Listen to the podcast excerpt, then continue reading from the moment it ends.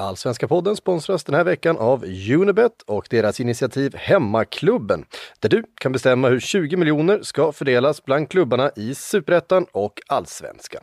Det går till så att man går in på unibet.se, anger vilken klubb du håller på. Ditt val av hemmaklubb har då betydelse för hur stor andel av de här 20 miljonerna som tillfaller just din klubb. Summan kommer att fördelas utifrån andelen av de totala antalet röster som respektive klubb får. Det lag som då flest har valt som hemmaklubb får 2 miljoner kronor.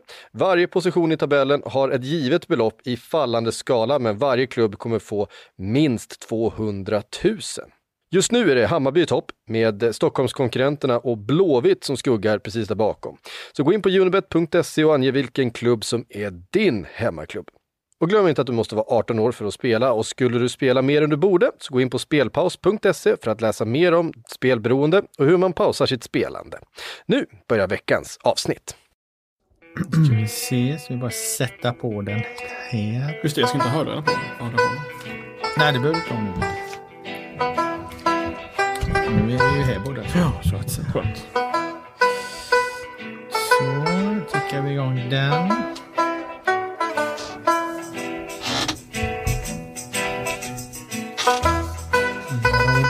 Är redo ja.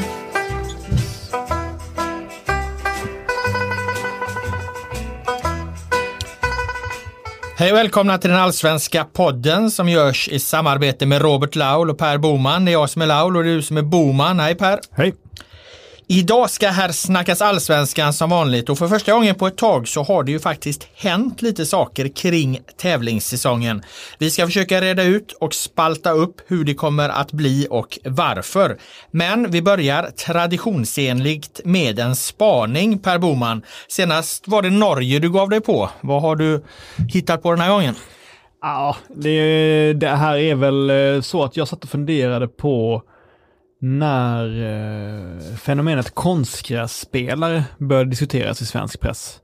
Eh, det är ju någonting som används väldigt, nej, nu är det så normaliserat så att man inte ens behöver säga det längre för att nu, nu är det så, så, så stor del av eh, demografin så att säga, så stor del av antalet spelare som är med i allsvenskan är ju konstgrässpelare. Så att man behöver inte säga det längre, men under många år så var det någonting man sa om typ Tobias Sana kanske, eller sådär, även för han spelade på naturgräs oftast. Eller sådär, någon i Elfsborg. Eh, men jag ville veta om när man sa det första gången, när man först började prata om, om konstgrässpelare och då sa jag den första texten är från 2007 eh, och då är det mm, en Royal League-match mellan eh, Elfsborg och FC Köpenhamn. Eh, FCK vann visst med 2-1, eh, men FCK var underlägsna i själva spelet. Eh, och det skyller då eh, Ståle Solbacken, eh, tränare i FCK, stridbar tränare på att de saknar konstgrässpelare, vilket får Magnus Haglund att reagera. Vad fan är detta? Fräser han tillbaka för att han tycker att det är så eh, ohyfsat att påstå att vissa spelare är konstgrässpelare och andra inte är det. Det var det första jag tänkte på. Jag tyckte det var ganska sent också, 2007, att det, att det ännu först då började pratas om konstgrässpelare på det sättet. Eh, men sen då 2011 eh, kommer det första gången någon nämner någon som en specifik konstgrässpelare, som en specifik spelare som nämns om det. Och det är Ari Skulason i GIF Sundsvall och det är du som står för epitetet. Hur tänkte du? Ja, eh, jag minns ju det där för att eh, när vi diskuterade innan här så ehm, Frågar frågade du lite eh, om jag hade liksom någon, någon förnimmelse om, om vem som kan ha varit den första man pratade om som konstgrässpelare. Och jag hade för mig att det var just Aris Skulason, så det var kul att det, det stämde då. Eh, jag, jag tror att snacket på den tiden, eh, eller tankarna på den tiden gick kring att det var en typ av spelare som tidigare hade haft ganska svårt att lyckas i en då förhållandevis fysisk liga eh, som allsvenskan. De var ofta kanske lite, lite mindre till växten, lite tunnare, lite lättare, eh, lite kvickare, lite mer tekniska. Men, men inte varit så väldigt skickliga så att de liksom klarade att kompensera då det de inte hade i det fysiska spelet. Så att de, de liksom föll bort ur matcherna. De fick inte riktigt chansen. De petades ut på en kant eller de fick inte spela alls. Och, och, eh, och de flyttade någon annanstans och kanske lyckades bättre där. Men, men i, i och med att liksom konstgräset blev vanligare Eh, så blev det också vanligare att den här typen av spelare då lyckades bättre. Exempelvis eh, Aris Gulason. Eh, så att jag tror att det var så det, det begreppet växte fram. Men det började väl egentligen växa fram i samband med att eh, klubbar, tränare, sportchefer talade om det som någon form av strategi. Att eh, nu ska vi rikta in oss på att eh, öka antalet konstgrässpelare i, i truppen. Jag tror det var snarare så det blev ett, ett begrepp, liksom att tränare började tala om, om truppbyggen utifrån att man behövde x antal konstgrässpelare. Men då var det ofta den här typen av spelare som kanske liksom inte riktigt hade hade eh, klarat av att hålla sin plats eh, eh tidigare. Alltså, det finns ju exempel på spelare som man kanske skulle kalla för konstgrässpelare men, men eh, eh innan det som var tillräckligt bra utan att behöva använda sin fysik. Jag tänker på AIKs innermittfält 2009 till exempel. Mm. Eh, Dooley Johnson eh, och eh, Ortiz. Ortiz där. Alltså det var ju liksom inget fysiskt starkt innermittfält som normalt var i allsvenskan på den tiden. Men de var ju så oerhört skickliga med bollen så att de klarade ju det. De spelade ju inte då på konstgräs. Då fanns det inte så många konstgräsplaner. Eh, men de var så väldigt, väldigt bollskickliga, så väldigt, väldigt passningsskickliga, så väldigt, väldigt bolltrygga. De var ju egentligen någon form av, av konstgrässpelare innan, innan begreppet då eh, eh fanns. Men, men, men de var liksom på en nivå över. Det som sen var konstgrässpelare, det var liksom de var kanske egentligen inte så jättebra, men de hjälptes då väldigt mycket av att spelet förändrades i och med att underlaget förändrades. Men det som förvånar mig, det är att det är så pass sent ändå man faktiskt kallar en spelare för en konstgrässpelare.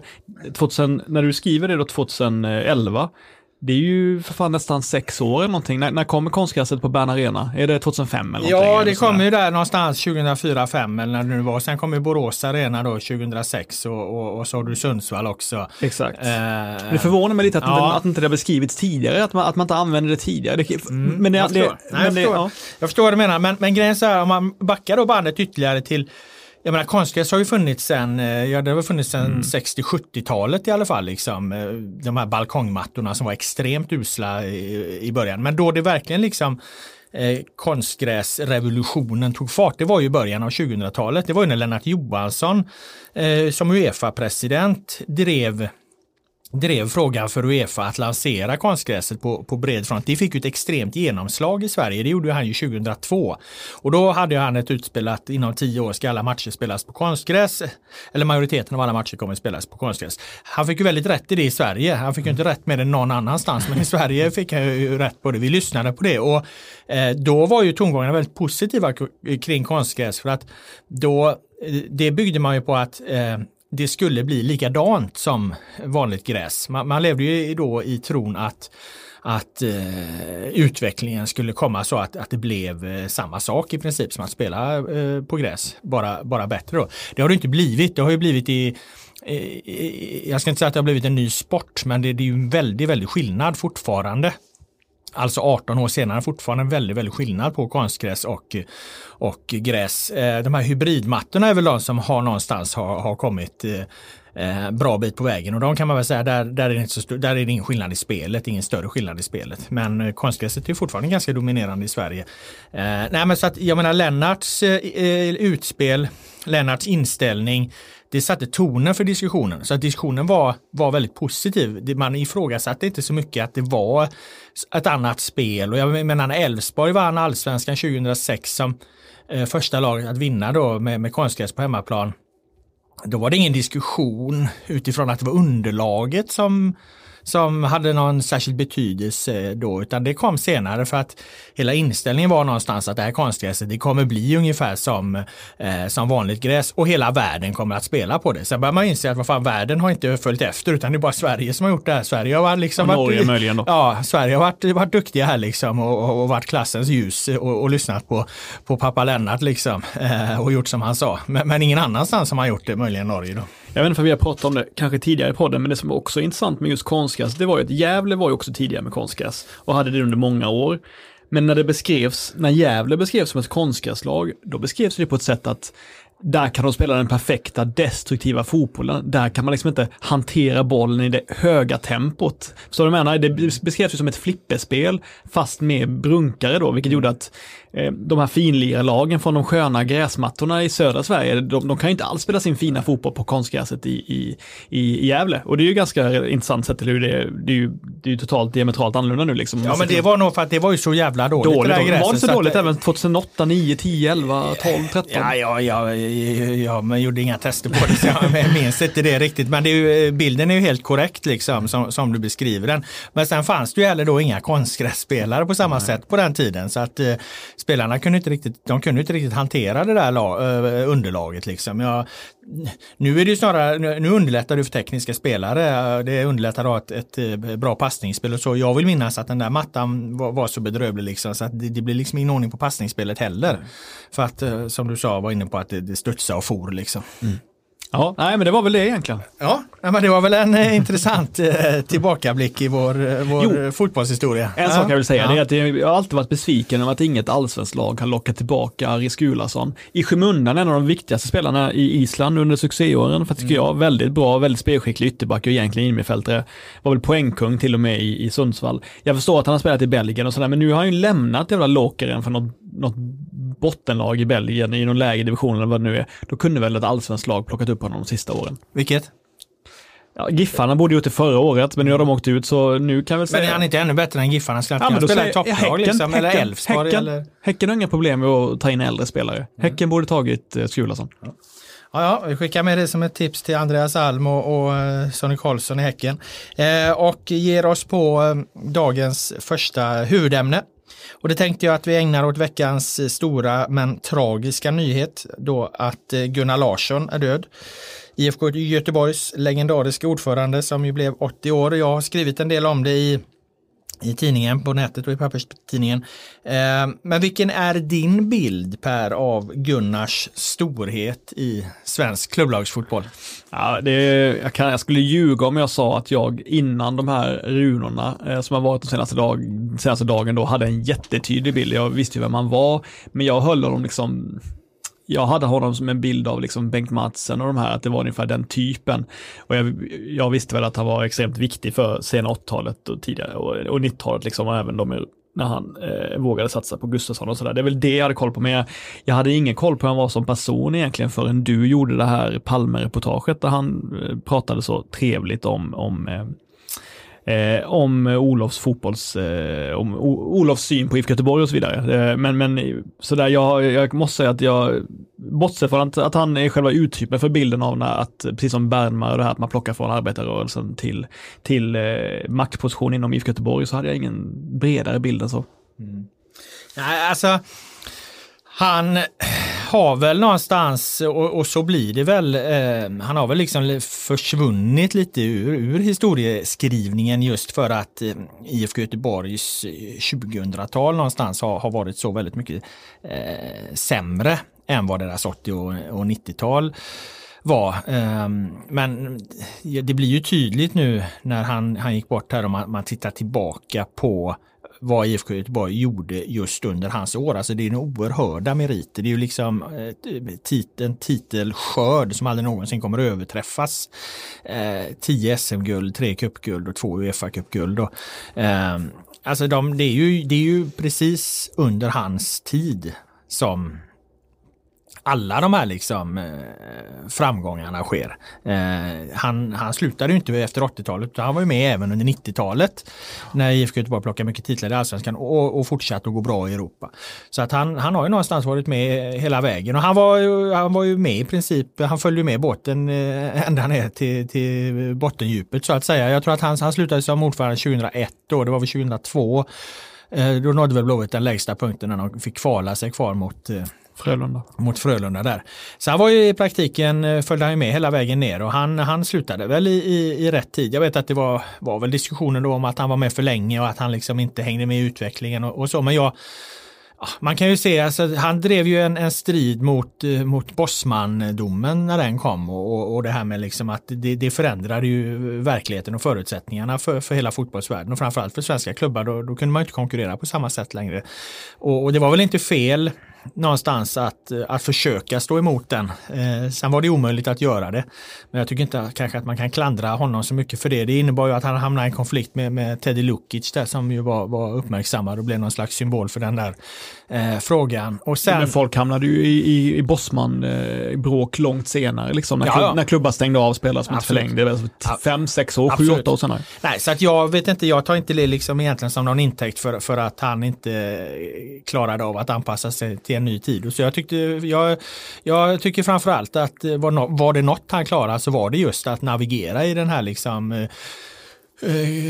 eh, längs de här krokiga stigarna som ut, ut, utgör fotbollsledarskapet. Ehm, och sen så, han satsade ju hårt på Änglagården, alltså IFK Göteborgs ungdomsutbildning där, satsade vi 20 miljoner på det och, och och att Roger Gustafsson skulle sköta det och, och de bjöd in Alex Ferguson när de skulle inviga det. Och, och, eh, Blåvitt har ju fått bra utväxling på, på ungdomsverksamheten och att satsa mycket pengar på ungdomsverksamhet det är ju något klubbarna gör, fortfarande gör och tycker jag ska göra och måste göra och kanske blir ännu viktigare att göra nu beroende på vilken fotbollsvärld vi vaknar upp till efter coronapandemin.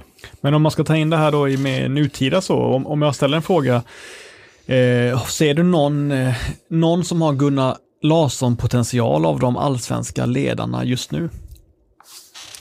Jag vet inte, jag tycker det, det är ur det perspektivet mer intressant att titta på att den, här- den typen av ledare är inte så vanliga längre i, i allsvenskan. Eh, de personerna som tog alla frågor liksom.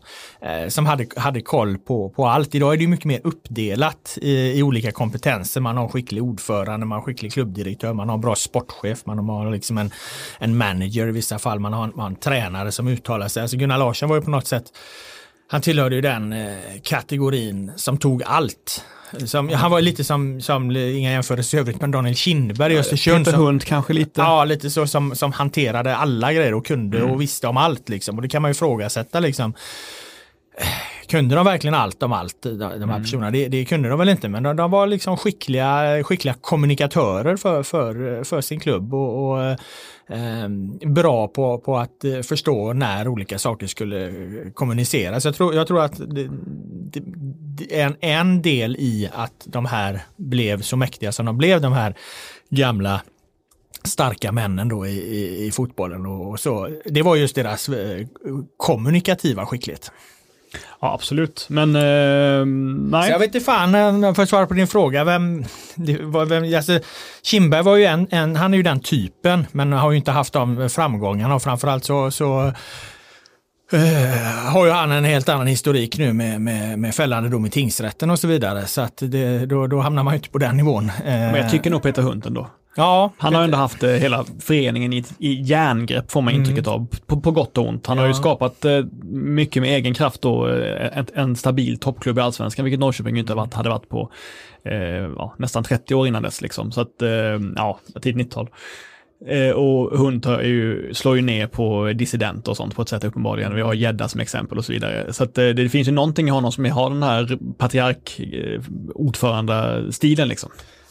Men jag, jag upplever inte att Hunt är så publik på det sättet Nej. som, eh, som kanske, jag menar, gör du en, en eh, undersökning här Eh, och frågar svenska folket om de vet vem Daniel Kindberg är och vet vem Peter Hunt är så vet ju folk vem Kindberg är men jag tror inte så många vet vem Hunt är. Man vet det i fotbollen men, men han har inte varit lika stark eh, profil utåt på det sättet. Klart i Norrköping och, och bland oss som bevakar allsvenskan väldigt noga så, så kan vi Hunt bra men man har liksom inte gått genom bruset så på samma sätt eh, för, för allmänheten som de här andra ändå gjorde någonstans.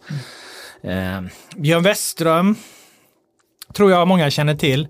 Eh, men Björn Westström har inte lett AIK under en, en så tydlig för han har haft väldigt många olika roller, han uttalar sig om väldigt mycket och han är väldigt mycket AIK på väldigt många sätt, Björn Wester, Men han har inte lett AIK under någon sån jättetydlig framgångsepok eh, ändå. Det är klart att det har gått bra för AIK de här tio åren under Westström, inget, snack om det. Men det är inte så att AIK på något vis har dominerat svensk fotboll, utan jag menar det är ju Malmö FF som har dominerat allsvenskan under 10-talet. En grej som är intressant med Westström är att jag trodde kanske inte att han var så kallad folkkär i landet. Men när jag gjorde ett reportage med honom eh, så följde jag med honom eh, till Halland och när AIK mötte Falkenberg borta.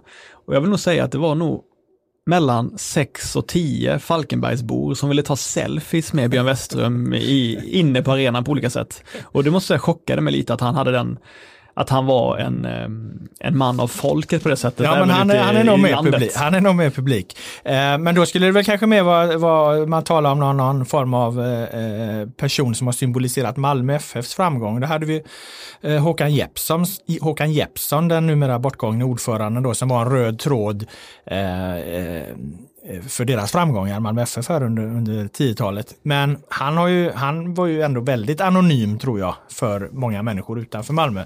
Jag tror jag knappt liksom alla som följer allsvenskan noga hade särskilt mycket koll på, på Håkan Jeppsson. Eh, även om det är, är klarlagt vilken stor betydelse han har haft för Malmö FF framgångar. Det kanske snarare är så att Daniel Andersson är någon form av mm. symbol för, för, för Malmös eh, epoker. Problemet med honom är att han saknar karisma i ganska hög utsträckning och, och är inte särskilt vältalig och är en kärvare typ än många av de här sång och dansmännen som ändå var Madsen och så vidare som ändå gillade att eh, synas liksom. Mm. Håkan Nilsson i Falkenberg. Det är kanske för liten klubb för att nämnas i de här sammanhangen. Man har åtminstone varit ansiktet utåt och egentligen varit den enda människan man har pratat med kring Falkenberg de senaste 15 åren. Va? Ja absolut, men där eh, finns inga, där finns inga framgångar i närheten att tala om som, som eh, på den nivån som de andra vi talar om här. Så att den jämförelsen blir väl eh, svår av den anledningen. Um, nej, så att jag tror helt enkelt att vi har inte Jag tror att i grund och botten handlar det väl kanske ändå om att, att uh, det är utspritt på flera olika kompetensområden. Eh, uh, fotbollen har liksom blivit så mycket större så det går inte att en person har det, den totala överblicken och den totala kollen utan man, man delegerar och många klubbar är också noga med att rätt person ska ut, uttala sig om rätt saker och då, då blir det liksom inte någon fader Gunnar som, som upplevs som allsmäktig på, på både gott och ont. Fint. Vi eh, lämnar Gunnar Larssons eh, bortgång eh, med de orden och går över till ett annat diskussionsämne här, eller till ett diskussionsämne som jag vet ligger dig varmt om hjärtat Per. Nämligen att det inte finns några råskinn kvar i allsvenskan. Och för att belysa det här faktumet eller problemet eller hur man nu vill se det så har vi tagit upp det som frågeställning i de allsvenska intervjuer som vi håller på med just nu som vi kallar 30 snabba frågor.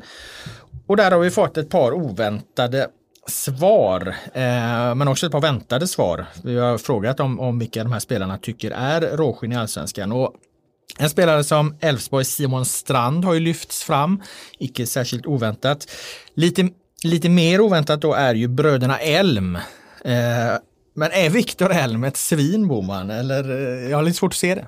Ja, men jag blev ju nästan mållös när jag läste svaret från Jonathan Levi. För det var Jonathan Levi, IFK Norrköping, som på något sätt målade upp en bild av Dr. Jekyll och Mr. Hyde-känsla på Viktor Elm, att han eh, hade en riktigt ful spelare inom sig. Vad var det han sa egentligen?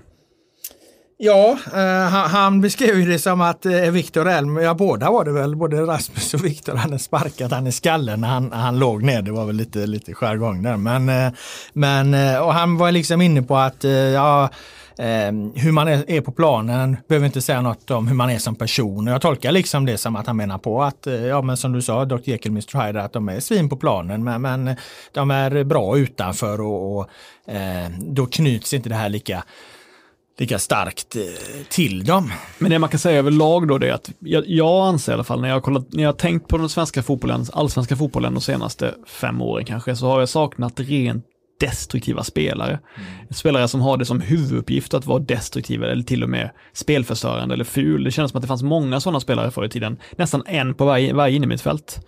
Men när jag tänker igenom nu, då eh, kan jag egentligen bara komma fram till Simon Strand, av de som har gått, de, man, går igenom, man går igenom de som hade flest gula kort förra året, så hade Simon Strand 12 gula kort, Juanjo i Sundsvall 11 gula kort, Aliti i Kalmar 9, Jesper Karlström 9, Paulinho 9, Per Frick 9, Erlingmark 8, Sebastian Larsson 8, Rashkai 7 och så vidare, Ekpolo 7.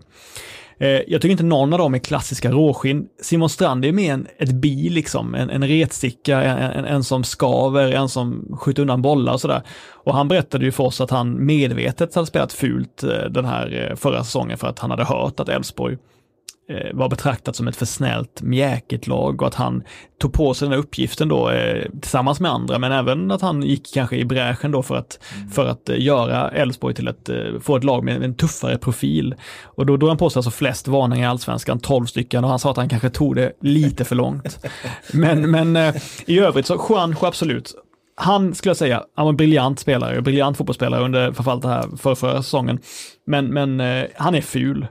Utöver han så kan jag bara komma på Bonke Innocent också, som kanske inte är en ful spelare men en vårdslös spelare på det sättet att han kastar sig in i olika sammanhang eh, och, och, då kan träffa motståndare och sådär. Han är, han är ju en oöm typ har du någon förslag?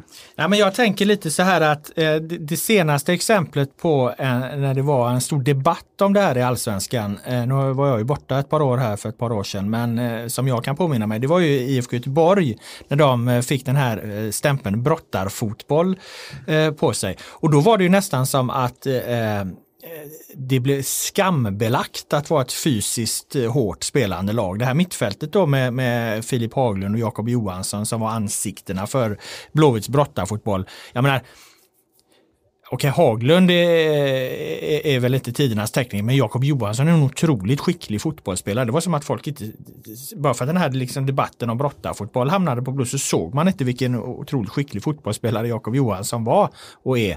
Eh, nu vet ju alla det sedan han kommit med i landslaget och så vidare, men han var ju extremt bra under många, många år för IFK Göteborg. En av deras bästa spelare på senaste 20-årsperioden, definitivt. Eh, men, men hela debatten liksom runt IFK handlade då om att, att de spelar den här brottarfotbollen och att det var något jävligt dåligt och, och, och, destruktivt. Så att om du är ett lag som, som sticker ut med ett, med ett fysiskt spel så får du liksom en stämpel. Då börjar det liksom gnys och gnällas från, från norr till söder om, om eh, hur illa det är med, med den här eh, hårda destruktiva fotbollen och då börjar ju liksom då börjar väl tränare och klubbledare öronen åt sig och så, och så ska de spela snyggare fotboll och, och så. Det är ju liksom det är den, det är den trenden vi har här och då faller den fysiska delen bort och, och med den försvinner också råskinnen. Ta en sån som Falsetas. Han ansågs vara lite av ett svin på planen i Gävle, Sundsvall, eller Gävle, mm, Blåvitt och kanske även Djurgården. Men i Häcken tycker jag att han har polerats ner ganska mycket. Liksom. Jag, jag ser inte honom längre, han ser mer som, mer som en temposättare än någon som delar ut saftiga tacklingar eller, liksom, eller, eller rent av ful. Så att eh, även en sån typ tycker jag liksom har Ja, han, han skulle jag ändå säga är rätt, äh, äh, rätt ganska bra exempel på, på ett, liksom, ett råskinn med tillägget då ett polerat råskinn numera. Men han har ju också tappat mer eller mindre sin plats i Häcken mm. eftersom mer Eh, passningsskickliga spelare eh, går, går före. Så att eh, ja, du, du, det här liksom, det är ju en utveckling och, och, man ser ju hur den utvecklingen någonstans har kommit fram. Den hänger ihop med konstgräset givetvis då, att det blir fler konstgrässpelare. Men så har du också den här liksom stämpeln och negativa debatten som direkt blir ifall det är ett lag som spelar eh, lite mer fysiskt. Eh, Frågan ja, är väl egentligen, är det någonting att sakna då? Eller är, det bara massor, är, man bara, är man bara deppigt nostalgisk på ett helt meningslöst sätt? Ja, jag tror absolut att det är något att sakna och jag tror också att man blir också väldigt styrd av eh, hur det beskrivs.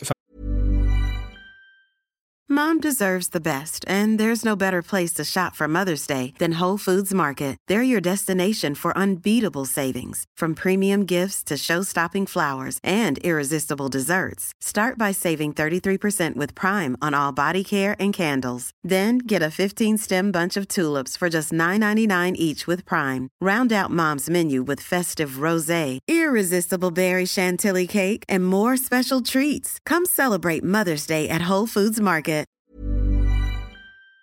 Att, det, det, är klart att Malmö FF och eh, Djurgården har inga klassiska råskinn, så som du är inne på. Men jag skulle säga att det är extremt fysiska fotbollslag.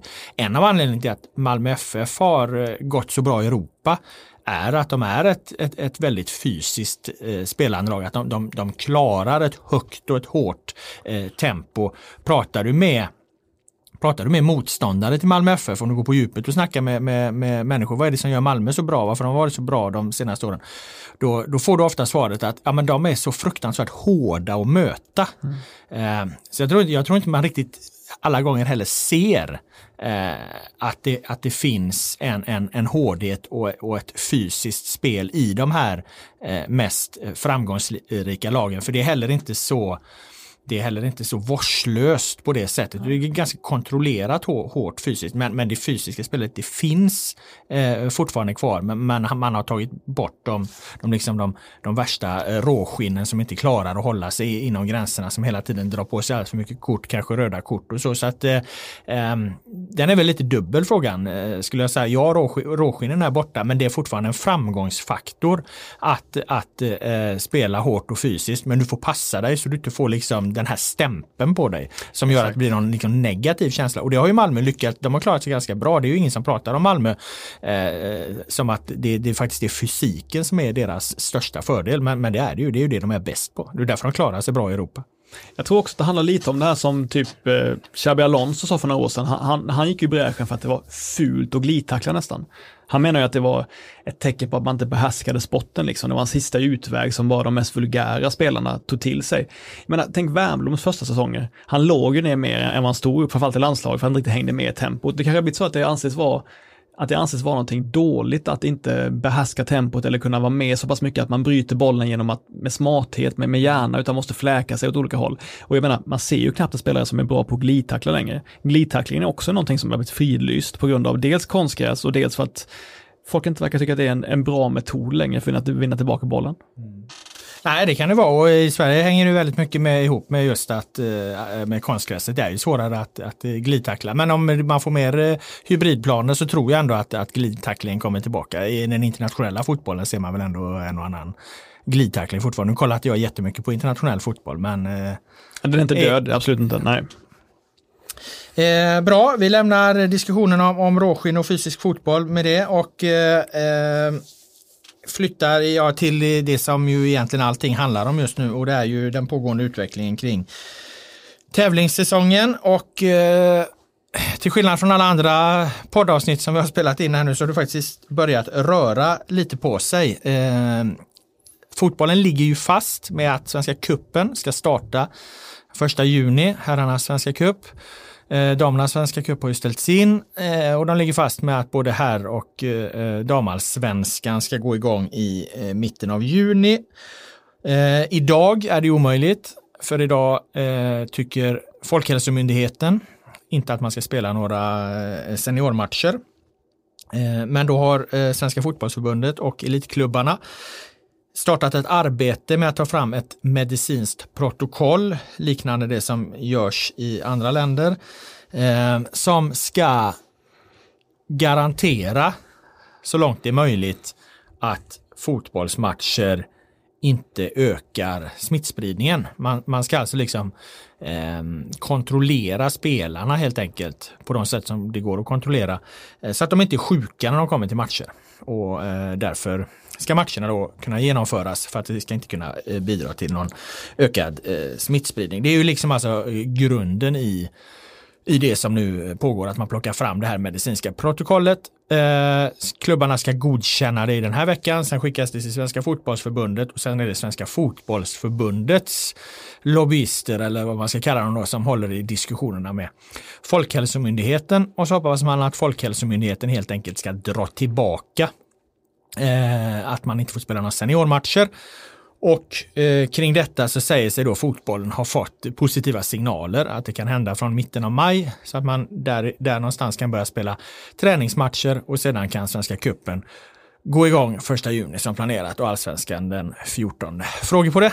Ja, nej, men det, jag läste de här grejerna som du och kollega Mikael Wagner skrev om och tyckte det var, ja, det var ju hoppfullt att äntligen få läsa någonting som, eh, ja, men som gav en, eh, en slags positiv svung i steget då vad gäller allsvenskan. Och sen kommer ju, samtidigt kommer ju lite, hur ska man förstå det här med att Tegnell samtidigt går ut och säger att han, att, att det blir svårt att spela fotboll då i, i månadsskiftet maj-juni. Hur, hur, tolkar du att han säger så? Jag tolkar det som att det är lite olika saker ändå. Det här medicinska protokollet, det är ju inte klart, det är inte godkänt, det är inte inlämnat och diskussionen har inte eh, börjat. Så att eh, Tegnell förhåller ju sig till, som jag förstår, eh, läget just nu. Mm. Och läget just nu är att seniormatcher är inte tillåtna. Eh, och han får en fråga hur han ser, ser, ser på det eh, fram emot maj-juni. Och det är väl svårt för honom liksom att då eh, spekulera. spekulera på det sättet. Sen så tror jag då att liksom det, kommer, det, blir, det blir någonstans olika frågor också. För sen hamnar jag i ett nytt läge. Då ska ju Folkhälsomyndigheten förhålla sig till det här då. Kan man ha seniormatcher utifrån att alla punkter i detta medicinska protokoll uppfylls? Ja, då blir det en helt ny diskussion. Det som jag ännu inte har fått svar på där och det som jag funderar lite på, det är vad det egentligen innebär för hela seriepyramiden så att säga. Mm. För det är klart att allsvenskan och superettan kan väl garantera de här kontrollerna eh, tack vare att de har stora medicinska team. Eh, men, men hur, gör man, hur, hur, ska man göra med alla andra serier som ska följa på här? Mm. Eh, där, där har jag ännu inte fått något svar. Liksom. Vad är tanken att hela seriepyramiden ska, ska rulla igång eller eh, kan, det bli, kan man hamna i ett läge då det bara blir allsvenskan och superettan på här sidan till exempel som spelas? Eh, man har, det har ju redan pratats om att det ska vara enkelserier och så här under hösten i, i de lägre divisionerna. Men hur gör man med division 1, 2, 3 och så vidare? Det, det finns ett par frågor där som kommer bli, bli intressanta att få svar på. Sen har vi ju Sen är det ytterligare en, en eh, fråga här då och den berörde vi när vi pratade om, om Hammarbys kommersiella tvåmålsspel eh, förra veckan. Eh, och det är det här med 50 personer, för just nu är det ju liksom förbud mot eh, eh allmänna sammankomster och offentliga tillställningar på, på på 50 personer. Eh, och du hade något exempel på en bild som hade skickats in att de var 55 eller 60 eller vad det var. På det var någon Hammarby-support till och med som hade, okay. som hade ringat in att det var eh, ja, ja. åtminstone fler än 50. Ja, ja, ja. men så här är det ju då förstår jag och det här är ju enligt, enligt ordningslagen. Om du arrangerar en, en, eh, fotbollsmatch till exempel som allmänheten inte har tillträde till eh, alltså en fotbollsmatch med tomma läktare, då är det ingen eh, offentlig tillställning. Mm. Eh,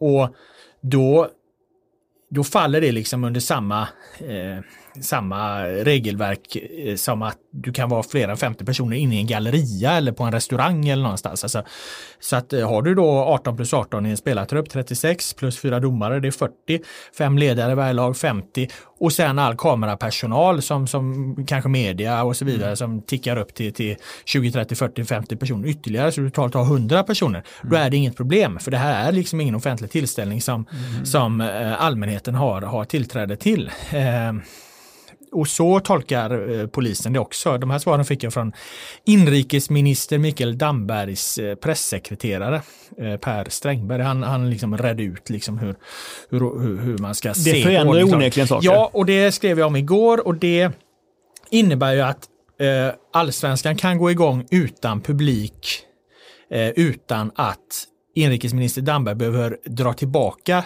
det här liksom för femte förbudet. Man kan spela de här matcherna utan publik eh, utan att det behöver förändras. Det förbudet kan ligga kvar. Mm. Men man kan ändå spela allsvenska fotbollsmatcher utan publik. Eh, det är ju vad det är konkret förändrat. Man behöver inte vänta på att den lagen, den tillfälliga eh, förordningen och förbudet, att det ska hävas.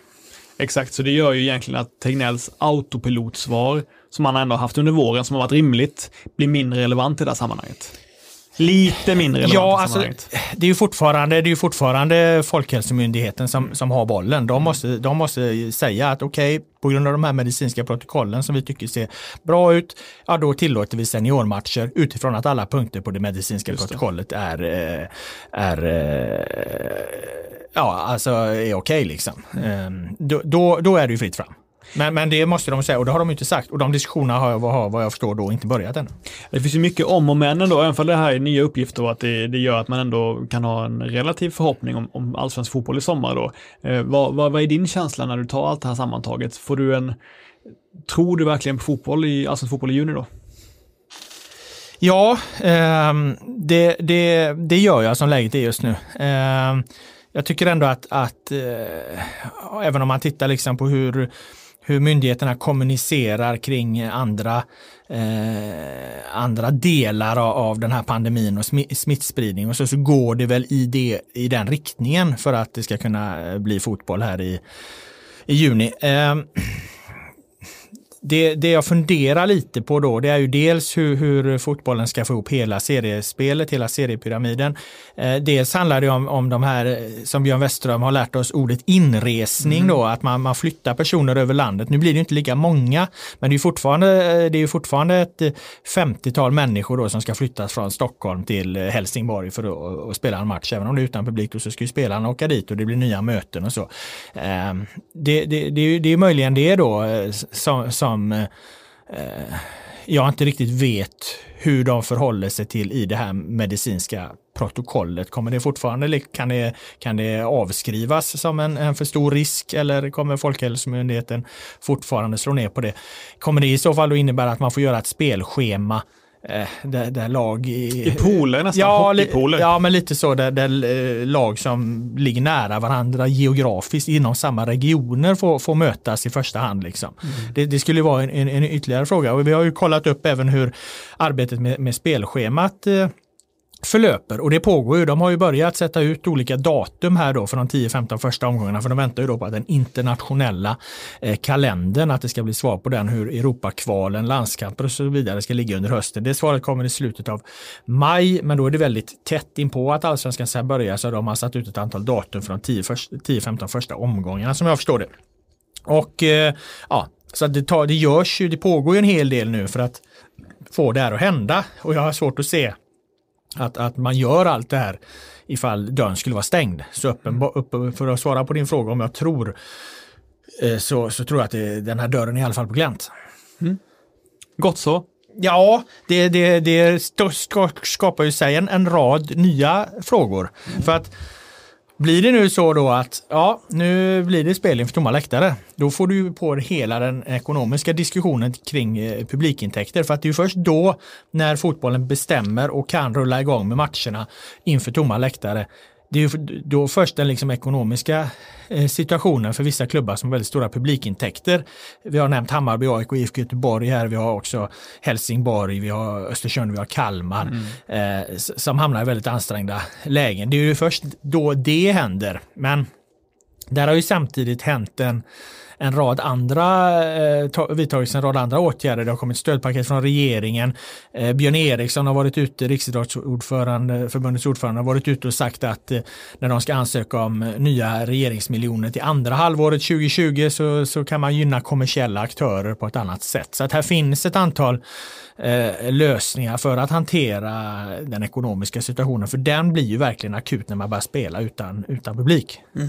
Absolut. Jag tänker mig också lokala eh, kommuner och så kan säkert hjälpa på det sättet att man har hyresfritt eh, på arenor och sånt under en period. Många, de flesta arenorna ägs ju ändå av, av eh, kommunerna liksom, så det, det, är ju ett sätt att, att, att hjälpa de här blödande mindre föreningarna på, på landet också. Ja, och de diskussionerna pågår ju för fullt. Men det, det, det som jag tycker är en intressant fråga och som man måste, någonstans måste också ha med i allting, det är ju att Lyssnar man på Tegnell och lyssnar man på de internationella forskarna så är ju coronasituationen inte någonting som där det kommer ett magiskt datum i höst och man säger att den 13 augusti då är det över liksom, då, då kör Nej. vi igen liksom. Utan allt tyder ju på att detta är en jävligt utdragen historia som kommer pågå i, i år till. Alltså de mm. pratar ju liksom om att, att två år, eh, uppemot två år kan det pågå, pågå. Och då måste man ju hitta lösningar som de också pratar om, att leva sida vid sida med det här viruset. Det har ju, har ju statsepidemiologen Tegnell pratat om många gånger. Att, att, att man på något vis ska leva sida vid sida med det här. Ehm, och då kan man ju inte tänka, alltså, då har jag svårt att tänka mig att det ska vara tomma läktare i två år. Då måste man kanske hitta någon form av reducerad publik. Och det skrev jag en krönika om i, eh, tidigare i veckan här. Ehm, och jag säger inte att mina förslag är, är bäst. Jag var inne på att man ska man ska titta bara hemmasupportrar så man undviker stora folksamlingar som flyttas över landet.